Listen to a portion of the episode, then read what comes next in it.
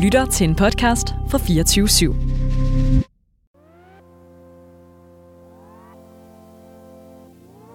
I sidste afsnit hørte vi, at Annas far var apoteker, og hendes fysiske forbindelse til den nyfødte dreng var meget, meget stærk. Samtidig fulgte vi Ibrahim, som havde travlt med at sms'e med en kilde. En kilde, der påstod, at der fandtes et hemmeligt arkiv med rapporter om stjernebørn. Ibrahim opsøger arkivet, som kilden har fortalt ham om og ringer til Mimi. Men han når næsten ikke at fortælle noget, før døren til det hemmelige arkiv går op. Velkommen til Stige Starseed, afsnit 8, et kammerspil.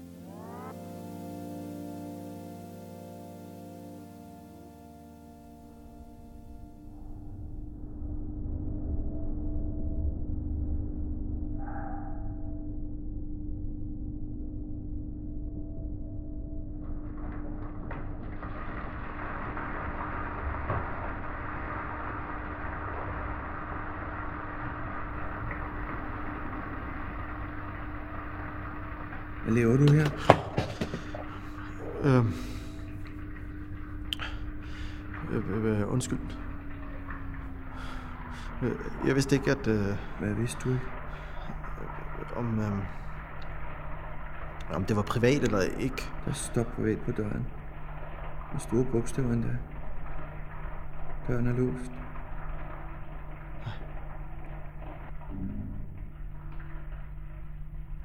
Er der noget, jeg kan hjælpe dig med? Øh, det ved jeg ikke.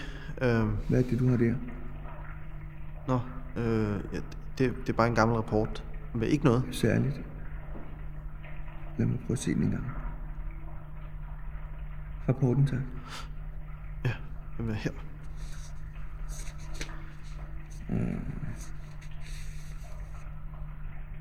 Nadu Petersen.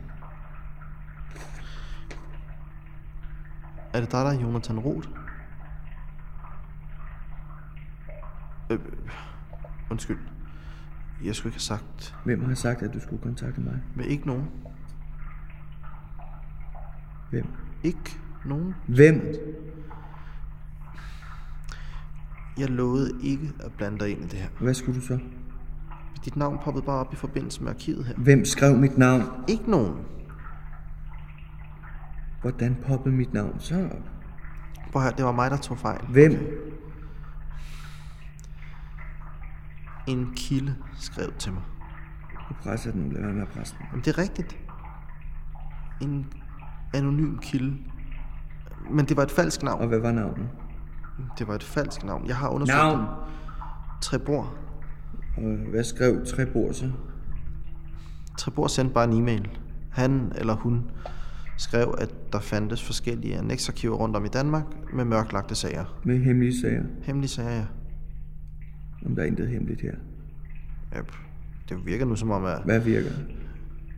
Ikke noget. Undskyld. Og den her rapport, hvordan hænger den så sammen med mig? Det gør den ikke. Godt så. Og dit navn var Ibrahim. Ibrahim. Ibrahim Saleh. God aften, her Saleh. Generalmajor i flyvevåbnet Jonathan Roth. Vi kom vist lidt skævt ind på hinanden. Hvad, hvad var det, du lavede her?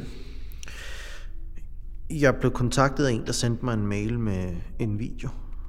Nå, øh, hvilken video? En video, der ledte mig til det her arkiv.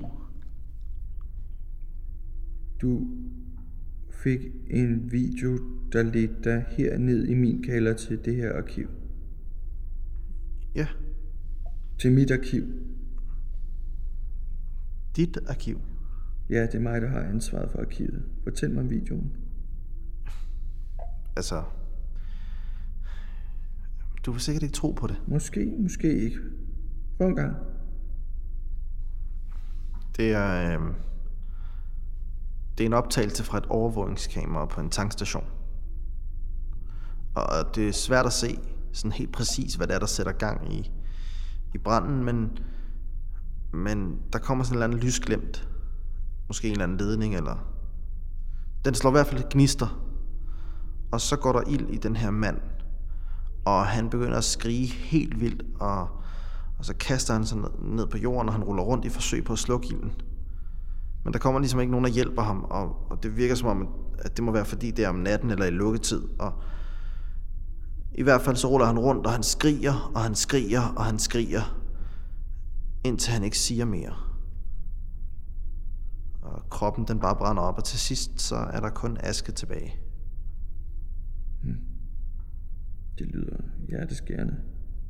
Det er det også, men, men der er mere. Mm. Til sidst er der kun aske. Ja, det sagde du godt lige før. Men så lige pludselig så rejser han sig igen. Han rejser sig efter. Ja, altså efter at han har været brændt til aske, så rejser han sig op, hoster, børster asken af sig, og så går han fra tankstationen, som om der ikke er sket noget som helst. Og alt det her, det er på bånd. Alt det her er på bånd. Nå. Og den kan ikke være redigeret. Jo, eller det er der selvfølgelig altid en eller anden risiko for. Og, og du interesserer dig for den slags. Mm. Ja, øh, øh, jeg er medlem af en gruppe. Øh, vi er et slags netværk. Det er ikke statsstøttet eller noget. Så, så mere bare sådan en hobby lige nu, men, men vi har meget store planer. Al- Altså, og, og vi leder efter bevis for, at der, at der allerede findes udenjordisk liv på jorden. Og det betyder hvad? Mm, altså, at der allerede er en eller anden form for intelligent liv, der stammer fra rummet her på jorden. Nå. Okay, og hvor, hvor mange er I i den gruppe? En 100 stykker, vil jeg tro. Ja, okay. 100. Ja, altså hvis det kan gøre det. I er 100, som alle tror på rumvæsener. Uden jordisk liv, ja. Jamen, Jeg sagde jo, du ikke vil tro på mig. Altså, jeg ved ikke, hvorfor jeg overhovedet bruger tid på at overbevise folk. Altså, Hvor mange i den her gruppe har så set den video? men jeg har ikke delt den endnu. Jeg vil bare sikre mig, at den var god nok, før jeg delte. Ja, okay. Men du er så sikker på, at den er helt ægte nu? Altså, ikke helt, men altså... Det var det, det her besøg skulle hjælpe dig med at verificere. Ja,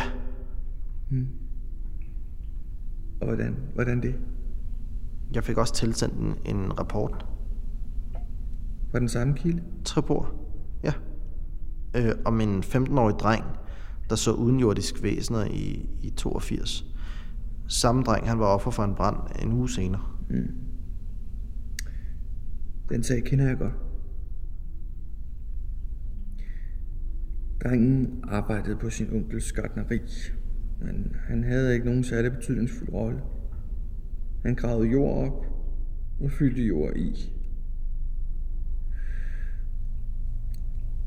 Ibrahim, kender du historien om Sisyfos? Mm. Mm. Kongen af Korinth. Sisyfos, bliver dømt til at rulle en sten op ad en bjergside hver dag resten af sit liv. Når den er rullet hele vejen op, jamen så skal den rulle hele vejen ned igen. Og så skal han ellers starte forfra dagen efter. Det er Sisyfos arbejde. Fuldstændig ligesom drengens. Det er meningsløst. Hele hans liv var at grave jord op og grave jord ned. Du tror, drengen fandt på historien? Ja, selvfølgelig tror jeg, at drengen fandt på historien. Hvorfor? Jamen er det ikke soleklart? Opmærksomhed? Skandinavisk UFO-information har afvist, at der var tale om svindel. Svindel er måske også lige meget sagt. Han er 15 år på det her tidspunkt. Øh, Han fandt på en god historie. Drengen manglede motiver til at opdægte historien. Jamen se her, ikke? der står også, observationerne fra Fyn virker meget troværdige. Jo tak, det kan jeg jo komme og sige. Ja, men de har vel en eller anden form for fast procedure for at klarlægge den slags. De, de har vel en ekspertise. Eller måske så ønsker de bare så inderligt, at deres arbejde ikke er overflødigt, at de lader deres følelser overskygge deres dømmekraft. Det synes jeg faktisk igen. Er vi færdige her? Jeg vil stadig meget gerne kigge et par andre sagsmapper igennem. Jo tak, men det her det er et privat arkiv lukket for offentligheden. Du er mere end velkommen til at skrive til min sekretær, hvis du har spørgsmål til, hvad vi laver her. Eller spørgsmål til nogle af rapporterne, men jeg er ked af det. Jeg skal arbejde nu. Ja, okay. Det var interessant at møde dem her, Salah. Du må have det godt.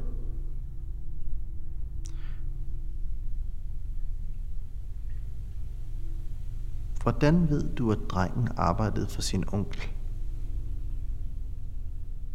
Hvad for noget? Hvordan ved du, at... Ja, der står ikke nogen steder i rapporten, at drengen arbejdede for sin onkel.